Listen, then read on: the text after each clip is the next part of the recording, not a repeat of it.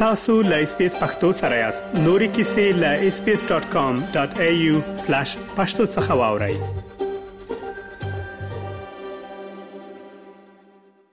اغلې نوریا محرابي نړۍ مننه چې له اس بي اس پښتو خبرونه سره خبرې کوي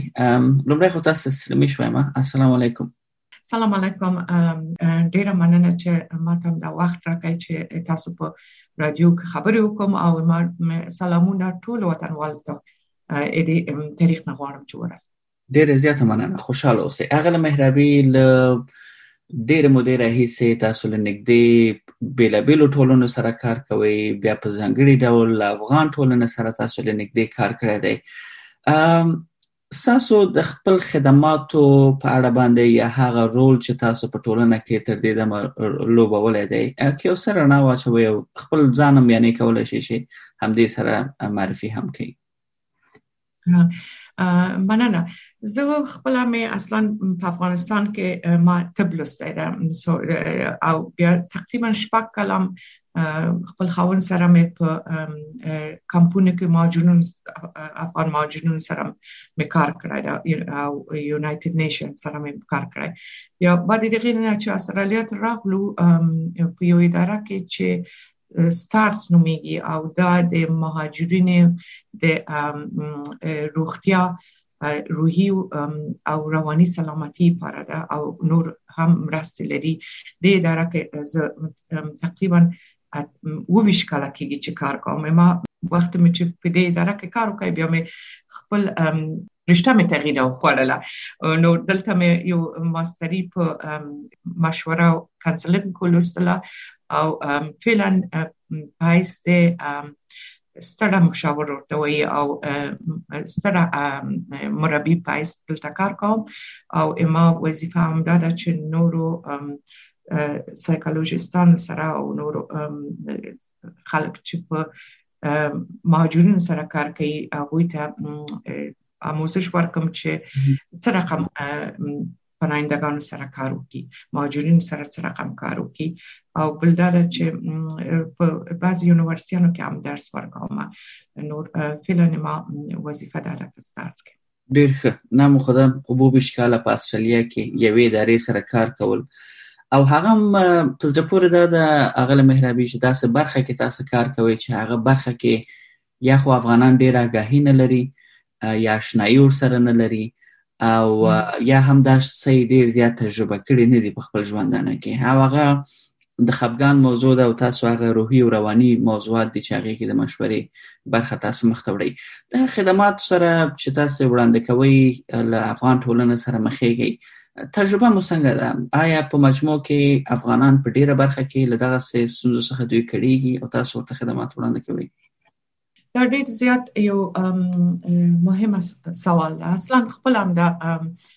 ایمونګ رویو رواني روغتیا چی شي ده خپل رویو رواني روغتیا ایمونګ عاطفي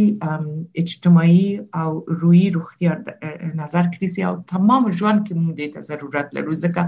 هم دې لپاره موږ فکر کولای شو تصمیم نیولای شو او نور سره خپل ارتباطات برقرارولای شو نور دې پر ارزښت لري اما کله کله په مختلفو دلیلونو باندې امکان لري چې د غیمونګ حالت روحي ناقرار شي بل رقم شي یو یو سلسله پرابلمونه پیدا کو منتها وخت چې مونږ ناروغ اوسي فرضاً یو تکلیف دی زړه ولرو یا پښتورګي تکلیف ولرو مونږ زو ډاکټر ته کمک غواړو مرسته غواړو غواړو چې خوشو منتها وخت چې روانم خرابېږي دغه کار مونږ نه کوو ځکه چې مونږ ریګو چې نور خلک به مونږ ته وایي چې مونږ لیونی شوی یو یا ننګ ده او غیرت ده او شرم ده ځکه چې موږ هم دغه تجربه په خوانه درلودله په افغانستان کې متاسفانه څوک چې په ناروغ او عقلی و روی نقطه نظر ناغه دکتران دو اصاب با تدوی کول نور وقت لږ سره کم طبیعت هم خراب وو خپل فامیل سره به خبرې کولې خپل کلم امام ته به تلون تعویز به ما خوستو هم دغه مشورې سیستم مون سره وجود نه درلودو اما یو ته د تجارب دي چې وخت سړی مهاجرت کوي د تجارب سړی ته پیدا کیږي خپل هم د روحي حالت وخت خپل قرار الله سور کوي چې یو دلیل دا ده چې شاید ایمون د کیمیاوي مواد تغیر وکړي یو دلیل وراثت ده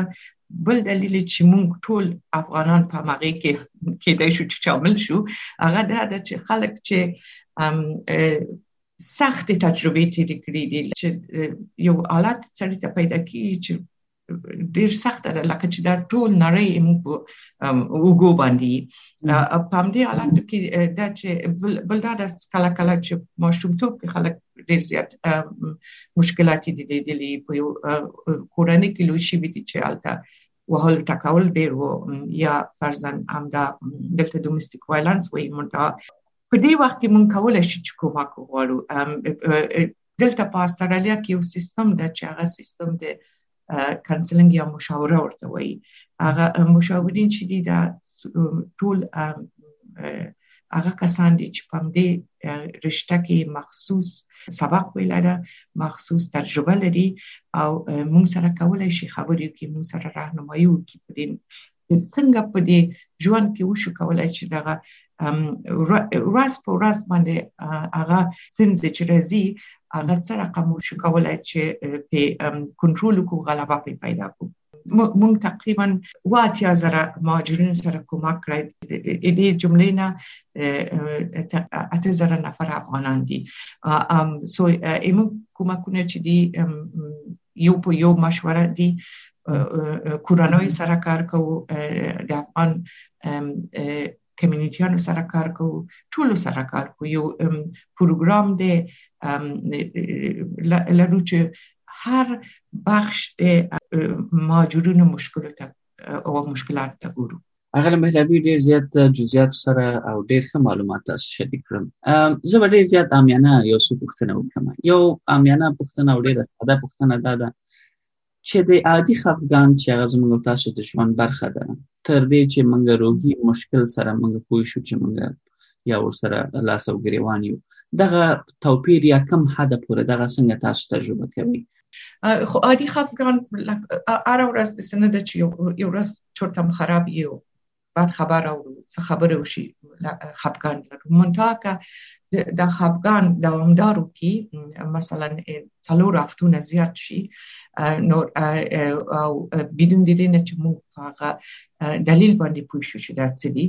نو هغه وخت چې موږ باید کمک وغواړو باید خپل کورنۍ ډاکټر سره خبرې وکړو چې جی پی دا نو هغه موږ سره راهنمایي کولای شي هغه کولای شي چې موږ یو روانشناس یا سایکولوژیست ته مولېږي یا کولای شي چې ډاکټر د اعصاب ته مولېږي ځکه چې په دې رقم ناروغیانو کې مونږ کولای شو چې دوا واخلو مونږ کولای شو چې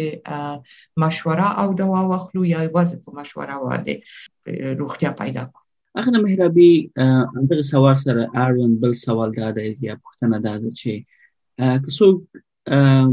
دغه ټول ونه کړي لکه څنګه چې تاسو دې ټول ته اشاره وکړي یا مشوره یا درمل خوړل یا نور څه پیښیږي آیا مرګونه دی آیا څو خپل ژوند هم دغه رواني ناروغي نه لاس ورکوي دا دا ډیر ارزښتمن ده سوال ده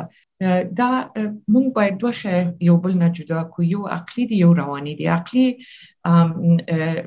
ناروغیان لکه په خو غوندې مونږ په ویل چې لیوالای شو فلانی هغه عقلی ناروغیان چې دی هغه هم تداوی کیږي د سنه چې تداوی کیږي مونته تداوی دوامدار ده همیشه ده ځکه چې دا نفر باید چې دوا وخوري لکه سکیزوفرینی او بایپولار غوندي مونته روحي ناروغتیا لکه خپګان لکه استراب دا داسې ناروغتیا چې دی دوی ټول یو موقتی ده او ټول د علاج کاون کې دي هغه پر مونږ باید علاج وغواړو که علاج نه وغواړو نو دا ورځ په ورځ خرابېږي دا ایواز مونږ باندې تاثیر نه کوي بلکې مونږ کورنۍ باندې تاثیر کوي په ماشومان باندې تاثیر کوي ځکه چې خپل ځان نشو کولای کنټرول وکړو خپل ستونزې خپل کورنۍ ته راوړو او کله کله دا کار ډیر زیات شي امکان لري چې دا د سي حالت پیدا شي چې مونږ ته چې ور خپل ځان ووجو خپل ژوند ته خلاص کو هغه پر هر څومره چې وخت مونږ مرسته وغواړو هر څومره چې وخت دې ناروغیانو علاج وکړو اماغه اما هغومره بهتره ده که هر بل نفر میمون په موقف کې هم دسه عکس العملونه خو دا لیوانتوب نه ده دا ډیر زیات مهم ده چې خلک پوښي چې دا لیوانتوب نه ده دې پر ځکه دا مثال ورکوم لکه چې دغه بخار لاندې سړی هر څومره بخار ورکی او سر لری نه کی انفلاق کوي اما که ورو ورو دا بخار لری کو دا بخار لري کیږي دا خبرې کول هم لک ام د سي دي وخت چې ورو ورو مون خبرې کوو دغه ای سینین هم دغه فشار لري کیږي او بل دا چې هغه مشاور چې دا مونږ مونږ ته راهنمایي راکړي چې چیرته چیرته موږ د نورو خدمات نه استفاده وکړو دې کې هیڅ شرم نشته ډیر ننګ نشته او اصلا زه پیغام چې موږ افغانان ډیر زیات کلک خلک یو با غیرت یو اما دا غیرت موږ نه اخلي کوم کومک وغواړو ډیر ښه اغله مهربي استرالیا ته په دغه تیر یو کال کې شاوخوا وزره کسان راوېستل شول افغانستان را روان دي او پنځه دېرش زره نور شاوخوا هغه هم په نظر کې نیول شوي دي چې راتلونکو څلورو کلونو کې دوی راوستل شي یا دوه دېرش زره دا دومره ډېر ډېر افغانان را روان دي او په دغه راتګ سره د هغوی موږ او تاسو ته د یعنی یو څه ناسه موږ دا درک کوو چې له ډېر ناخوالو څخه دوی راوځي دلته او اکثره باید د مشکلاتو سره راځي دې لپاره څه پلان تاسو او آیا دغه دغه یو کال تیر یو کال او یا د طالبانو د حکومت یا حکومت ته رسیدو وروسته اساسو په مراجعینو کې ډیرواله راغلی دی او نور داسې اټکل هم کوي چې تاسو په ډیر زیات یعنی ډیر نوی هغه واخلې مراجعین او موږ مراجعین کې ډیر زیات ډیرواله راغلی دی موږ تقریبا زر نفر هغه افغانان چې بعد طالبانو د راتګ نه د افغانستان نه راغلي دي استرالیا ته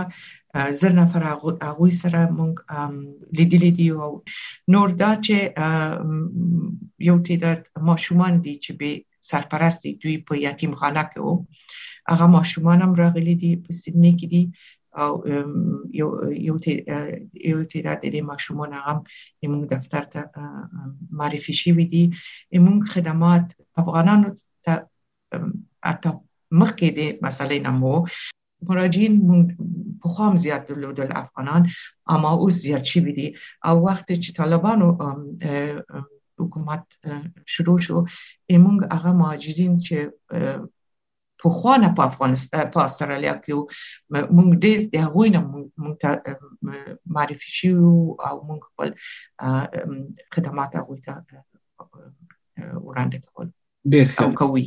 ډیر ښه هغه مهربي زما به ورسته پښتنه لته تاسو نه دی دا ډیره زیاته پراخه یعنی یو ساحه ده او ډیر زیات پکې خبرې دي ول پیغام چې تاسو وخت به دومره زیات نه وي ورته ما روسي پښتنه ده ده او زما پښتنه هم هم دغه تاسو د جواب دغه روسي ټکی په بر کې نیسی چې هغه کسان چې په خوا تاسو مراجعین ول او بیرته جوړ شي ول لاړل او هغه بیرته هم ساس خدمات ته مخه کړې د معنا دا شی رواني حالت یې خنه ده نو دا د افغانستان د حالت چې موږ تاسو ګورو آیا دغه رواني ستونزه ډیره دوامدار ښکاري تاسو ته یا که چیرې یو کس هغه له دغه ستونزې څخه تاسو راوباسي او بیا د افغانستان د حالت او د ټولنې د ناخواله ګوري نو څومره د دې چانس دی چې دوی دغه مسله ډیره دوامدار پاتې شي او یا څنګه تاسو دا یعنی دغه مینس کې تاسو دا ډیسکنیکټ کوي معنا دا ده چې د دغه وصلې خطا ختموي دغه سوچ دغه زما ورسې پوښتنه ده مهرباني از خب دا دا شرایط چې مینس ترغل اکثریت افغانانو باندې تاثیر کړه او خلک کورنۍ لري په افغانستان کې د غوي لپاره پریشان او فکرونه خراب او چا چې خو کوم بعد تجربه طالبانو سره درلودله غوي هغه خطرات به تور ته ژوند دي شول نو منتدا دا تاسو په جواب کې دا تاسو ته ویل شم چې د هر نفر عکس العمل مختلف ده ځکه چې مونږ تجربه مې مونږ فرق کوي خاطرات هم فرق کوي روی ستونیزم فرق کوي مونږ هغه پر دا چې د د تداوی یا خکېدلو هم فرق لري امکان لري پر ډیر وخت پورې ورسره دوام وکړي اما د سکسونه دي چې دا زر خشي نو هغه لپاره د چې وخت په کال لري اما چې شي چې ډیر زیات مهم ده او ارزښت لري دا چې دوی مرسته وغوړي ډاکټر تلاشي مشاور تلاشي موږ دفتر ته راشي مرسته وغوړي موږ مرسته چې وشي دغه دغه ورو ورو کمیږي نړۍ مننه اغله مهربي ډیر زیات ښه معلومات تاسو شریک کړ او ډیر سر کار کوي دا هغه کار دی چې یو چاته تاسو ژوند وربخي او دا ژوند نه یوازې دا چې دغه هر فرد خپل داخلي ژوند خپل کور جوړیږي ټولنه او په ټوله کې یو هیواد باندې دغه تاثیرات وي نو تاسو ښه چارو لري او خوشاله اوسئ ان شاء الله یو تاسو نام ډیر زیات مننه چې ما ته وخت راکړ چې دکتور دقیق تاسو په پروګرام کې خبرې وکم او هر وخت چې موږ تاسو په خدمت کې حاضر یو ما غواړم ټول خپل وطنوال ته وایم چې په دې کې هیڅ شرم نشته که تاسو مرسته وغواړئ مونږ تاسو په خدمت کې یو اس پی اس پختو په فیسبوک کې تا کې پلی مطلب یو فاک کړئ نظر ور کړئ او له نورو سره شریک کړئ